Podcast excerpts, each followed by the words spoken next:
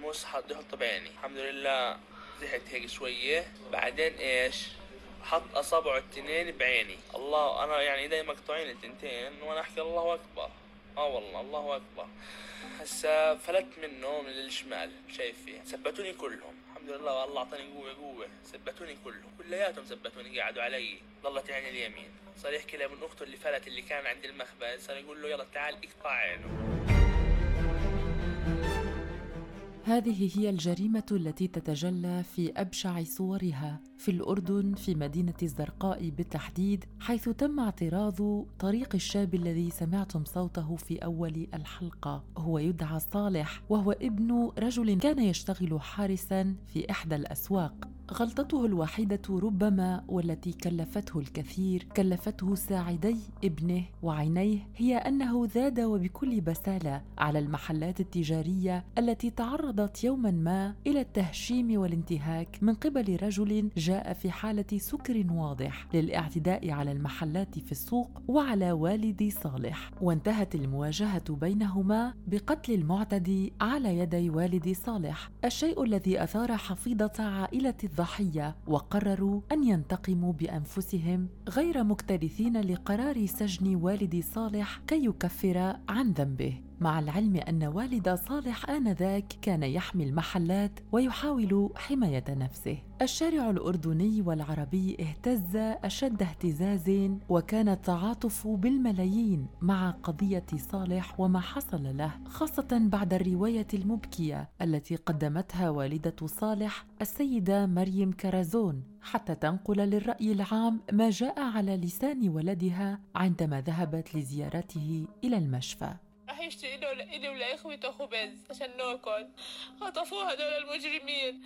أخذوه استدرجوه في باص وسيارة. ثمان أشخاص بالباص وفي سيارة كمان كانوا فيها أربعة. أخذوا ابني ضربوه هو في السيارة. بعدين أخذوه على دار. قطعوا له إيديه بالبلطة ببلطة حافية. ابني قال لهم قطعوا أول إيد قال لهم ابني خلوا لي الإيد الثانية. قالوا له لا. إحنا اليوم حابين نشرب دم. قطعوا الايد الثانية كل اللي كانوا في الدار في كان في الدار اللي اخذوا عليها كمان ثمان أشخاص. قعدوا كلهم. أول ما فات ابني كل واحد فيهم ضربوا بوكس على وجهه. بعد ما فات أول ايد بلشوا فيه. كان بدهم يتحرشوا فيه. ابني ما رضي ابني قاوم. ما رضي إنه حدا يقرب عليه. مسك إيده وحطها على الطاولة. جاب البلطة ضرب اول اجى ابني يرفع إيده.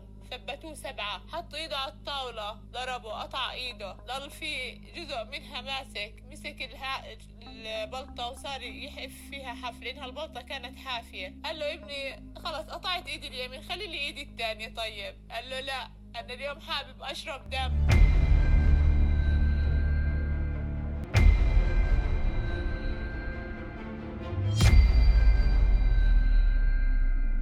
وددت في الحقيقة أن أوفر عليكم كل التفاصيل والصور التي نقلتها لنا والدة صالح ولكن كان من المهم أن نسمع القصة من أصحابها كيف حصلت وما هي ملابساتها. هل فعلا بين بني البشر من فقدوا قلوبهم وإنسانيتهم بهذه الطريقة حتى يعترضوا طريقه طفل صغير؟ فصالح لم يتعدى 16 سنة هو طفل صغير حطموا أحلامه ودمروا شبابه الذي ينتظره. صالح لم يعد قادرا على النظر ولم يعد يمتلك ساعديه حتى يعيل عائلته ويواصل طريقه ربما نحو مستقبل أفضل. لو كان مختطفوه أكثر إنسانية من ذلك وعدلوا عما أقدموا عليه.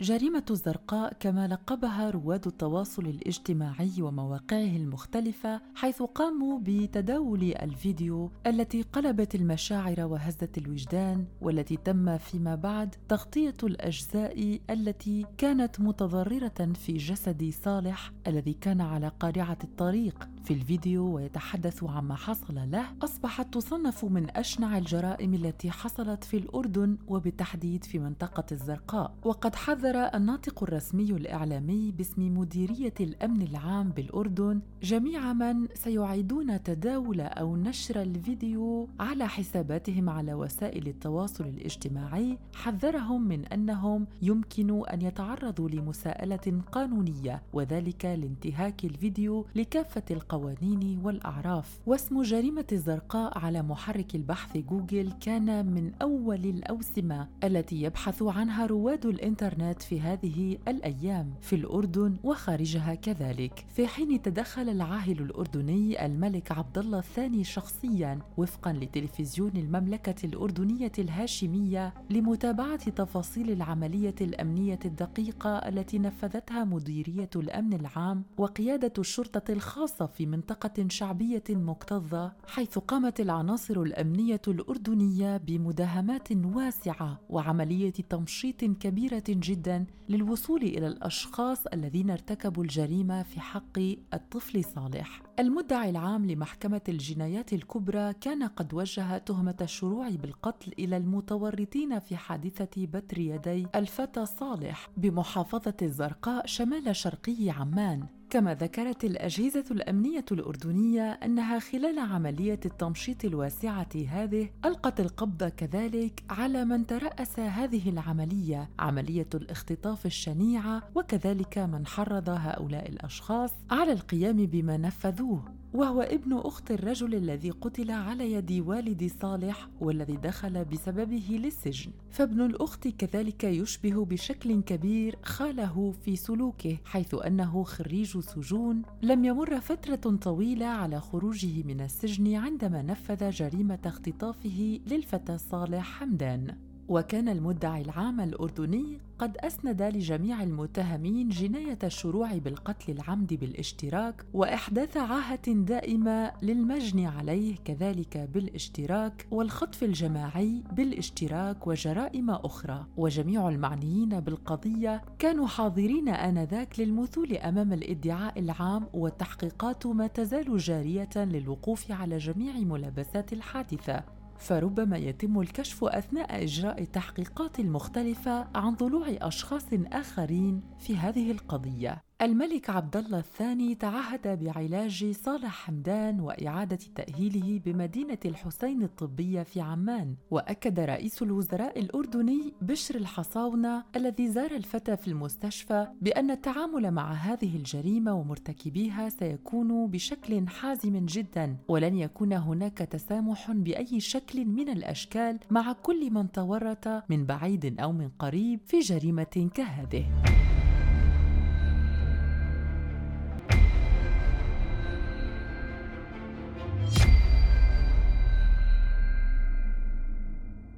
بعد السماع بحصول الجريمة مباشرة، جماهير غفيرة هي من تفاعلت مع هذه القضية عبر كتابة تغريدات على تويتر وتدوينات على فيسبوك وعلى إنستغرام وغيرها من وسائل التواصل الاجتماعي وخلق صفحات ومجموعات للتأكيد على أهمية تطبيق حكم الإعدام في حق الأشخاص الذين تورطوا في هذه القضية، فبالنظر لبشاعتها هناك من قال كيف سيواصل صالح حياته بعد ما حدث له خاصة لما اتسمت به الجريمة من الشماتة. وكأن من قاموا بهذا أرادوا أن يقتلوا صالح ولكن بطريقة أخرى من خلال دفنهم لأحلامه ولكل إمكانية لأن يواصل صالح حياته بشكل طبيعي.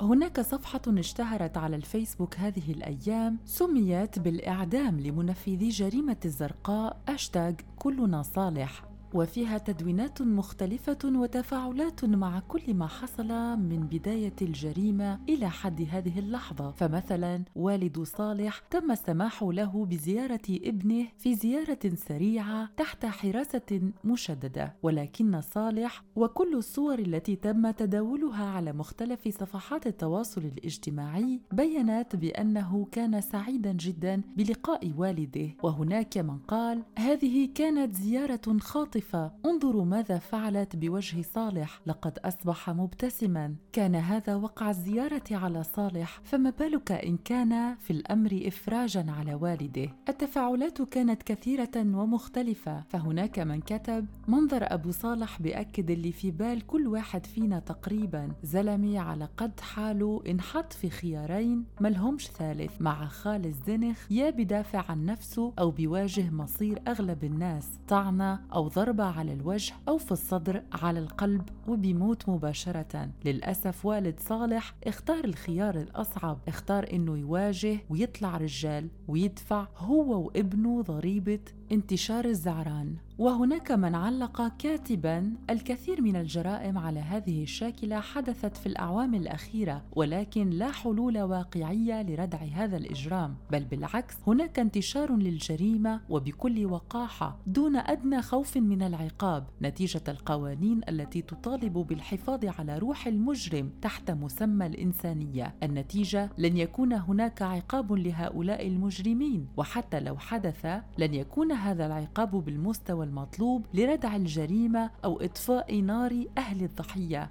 من ناحية أخرى صب تفاعل الإنفلونسرز على الإنستغرام وغيرها من صفحات التواصل الاجتماعي في نفس الاتجاه حيث ذهبوا إلى ما هو أعمق من ذلك من خلال محاولة تحليلهم لرؤية المجرم وكيف تحول من إنسان عادي إلى فرد فقد كل مقومات إنسانيته. صارت جريمة الزرقاء. على الأغلب كلكم قريتوا عن الموضوع عرفتوا إيش اللي صار. كل فترة بتطلع جريمة. وبنحكي عنها وبنعصب وبنصير كل تفكيرنا هو إنه إحنا نقول حاسبوا الشخص هذا.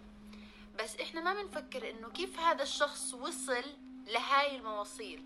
إحنا ممكن نعاقب الشخص وبتمنى إنه يتعاقب الشخص أشد العقاب. ولكن خذوا عبرة.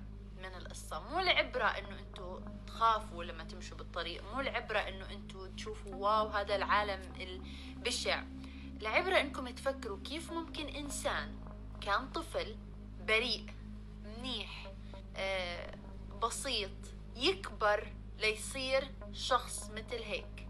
لما تطلعوا عليها من هاي المنظور تتأكدوا إنه أي حدا فينا ممكن يوصل لهاي المواصيل. لما إحنا نحط إصبعنا على المشكلة اللي بتجمع بين هدول الأشخاص لأنه هي نفس المشكلة بتتكرر في بيئات مختلفة. طب ما إحنا من شهرين ثلاثة حكينا عن هداك جورج فلويد. طب ما هداك أمريكي وأبيض وهذا زلمة من الزرقاء. بعتقد بيئات مختلفة تماما لكن في الحالتين كان في تنمر في الحالتين كان في آه، بشاعة بالتعامل. شو الإشي المشترك؟ الإنسان ما بصير مجرم بيوم وليلة مستحيل يصير مجرم بيوم وليلة. ممكن نلوم البيئة ممكن نلوم الفقر ممكن نلوم الجهل ممكن نلوم أي إشي. لكن بضل الإنسان محاسب بينه وبين حاله إنه هو مسؤول إنه هو يعلم حاله ويثقف حاله ويراجع حاله يراجع أخلاقه تحديدا. إحنا في حياتنا اليومية بنعمل تصرفات غير أخلاقية بشكل فظيع وبنعملها من غير ما ترمش لنا عين. وبعدين مرة على مرة على مرة على مرة بيوصل الإنسان لهاي المرحلة ما تنصدموا وما تستغربوا. إذا إحنا بنترك حالنا لا منفكر لا عنا رادع ديني ولا رادع أخلاقي ولا عنا علم وكل إشي بنعمله هيك عادي عادي عادي كل إشي عادي. فلا تستغربوا كيف ممكن إنسان يوصل لهاي المرحلة بس. وعلى غرار التساؤل عن الأسباب التي يمكن أن تحول شخصا عاديا إلى مجرم هناك من ركز على نقطة أخرى مهمة جدا في قضية طفل الزرقاء أو صالح حمدان وهي العقوبة التي تنتظر ربما الخمس عشرة شخصا الذين تم الحكم عليهم من قبل المدعي العام في القضية. تفاعلات رواد التواصل الاجتماعي جاءت طبعا قبل النطق بهذا الحكم لأنهم كانوا رافضين فعلا أن ينفذ القانون المعمول به في قضية كهذه. ففي الأردن كل من تسبب بقطع عضو أو بتره أو من تسبب في عاهة دائمة لشخص ما يعاقب بمدة سجنية لا تفوت العشر سنوات. وهكذا كان تفاعل رواد التواصل الاجتماعي. ناس اسبقيات وناس لهم أسبقيات و وخريجين السجون قاعدين مش مش مستوعب. أنا أنا حضرت الفيديو أنا مش مستوعب. إيش إيش العقل البشري؟ إيش العقل البشري هذا اللي بيسمح لك إنه أنت تمسك ولد عمره 16 سنة وتقطع له إيديه وتخزق عينه؟ تفاجأت. والله تفاجأت لما حضرت الفيديو انصدمت. ويا ريتني ما حضرته. أقسم بالله يا ريتني ما حضرته. مش راضي ينشال من مخي. نوم ما عرفت أنا من امبارح من ورا هيك فيديو. أنا أنا مش عارف يعني أنا قاعد بصور هذا الفيديو كثير مخنوق ومتضايق من جوا على هذا اللي بصير بلدي خصوصا انه إحنا في بلد سيادة قانون وعندنا قانون وبرد على الناس اللي زي هيك وما بسمح إنه يصير زي هيك وعايشين بأمن وأمان. بس ليش صار هيك؟ اتفاجأت كمان شغلة إنه أنا بس إجيت أقرأ شو قانون العقوبات تبع الأردن إيش بنص على هذا الإشي أو هاي الحالة شو اللي بصير. خليني بدي أقرأ لكم إياها بس. بس القانون الأردني العقوبات مادة 335 بتحكي إذا أدى الفعل إلى قطع أو استئصال عضو أو بتر أحد الأطراف إلى تعطيلها أو تعطيل إحدى الحواس عن العمل أو تسبب في إحداث تشويه جسيم أو أي عاهه أخرى دائمة أو لها مظهر العاهه الدائمه عوقب الفاعل بالأشغال الشاقة المؤقتة مدة لا تزيد عن عشر سنوات. يعني هذول المجرمين اللي عملوا هيك شيء في الولد هذا اللي عمره 16 سنة بنحبسوا مدة لا تزيد عن 10 سنوات. فبعد اكتشفت إنه آه ممكن أي واحد يجي يقول لك أنا بدي ثار من واحد آه بقطعه وبعمل فيه عجايب وبعطي الكيس لأهله. وكلها 10 سنين عادي. آخر شيء بتكفل وبطلع. أنا انبسطت إنه القضية صارت صوت رأي شارع ورأي الناس. وعملت ضجة بالشارع وتدخل الملك عبد الله فيها. بس أنا أنا أنا من من جوا ما راح ارتاح لما يجي ينحبس هذا 10 سنين بعدين يروح يطلع. يعني أنا بالنسبة لي بشوف أنسب حل تعملوا قصاص ترجعوا القصاص. عشان الواحد يصير يصير يحسب مليون ألف حساب قبل ما يعمل أي شيء إذا بده يفكر إنه أنا بدي آخذ ثاري من بني آدم أقطع إيده اكون حاط في راسي إنه أنا راح يمسكوني القضاء وراح يقطعوا لي إيدي وقتها ما راح أقطع إيدي. جريمة فتى الزرقاء أو جريمة الزرقاء أثارت لهيب النار الذي كان تحت قضية البلطجية والزعران والأتوات المفروضة على الأشخاص للحد من ظاهرتهم التي تنتشر في الأردن والخلاص منها نهائيا وإرساء تشريعات تغلظ العقوبات على هذه الفئة من الناس التي ترتكب في كل مرة جريمة شنعاء. ولكن الجريمة الزرقاء أصبحت متفردة وهناك من يقول بأن هذه الجريمة هي التي سوف تدخل تعديلات وتنقيحات واضحة على كل القوانين التي تخص هذا النوع من الجرائم. تجار ومواطنون وصفوا أن هذه الحملة التي جاءت عقب وقوع جريمة الزرقاء والتي أثارت الرأي العام المحلي وألقت الضوء بقوة على ظاهرة الزعرنة بأنها خطوة إيجابية جدا للتنقيح في القوانين وجعلها أكثر صرامة لحماية التجار ومحلاتهم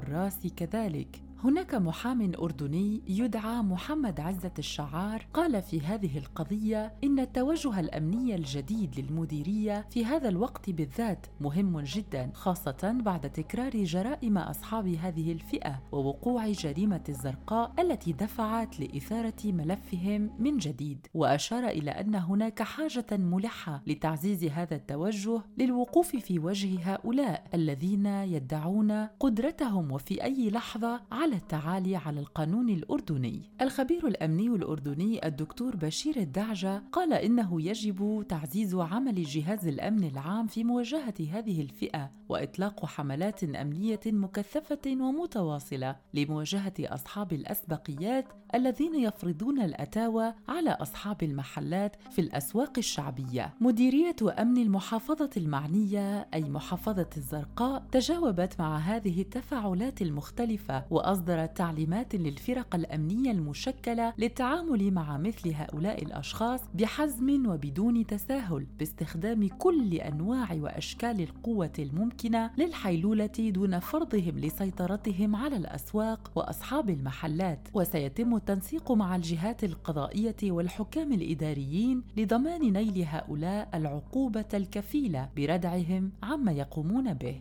المواطنون الأردنيون من جهتهم رأوا بأن هذه الإجراءات جاءت متأخرة خاصة بعدما فقد الفتى صالح حمدان ساعديه وعينه اليمنى. جراء عمل إجرامي يخلو من كل أشكال الرحمة. أما تفاعل الشارع العربي فليس ببعيد عن الشارع الأردني، فالبلدان العربية المختلفة جل مواطنيها يرون بأن السلطات لا تتحرك لتنقيح قوانين معينة إلا بعد حدوث الكارثة، هذا تقريبا ما حصل مثلا في تونس إثر جريمة قتل الفتاة رحمة بعد اغتصابها وإلقائها في نهر على طريق رئيسي في العاصمة التونسية، الشيء الذي جعل السلطة المعنية ورئيس الجمهورية بشكل شخصي يراجع وبعد 24 سنة فكرة التخلي عن تطبيق قانون الإعدام في تونس. الجريمة التي تحدثنا عنها اليوم في حلقتنا من بودكاست في عشرين دقيقة تخلو من الإنسانية والرحمة ولا يمكن لأي عرف أو مجتمع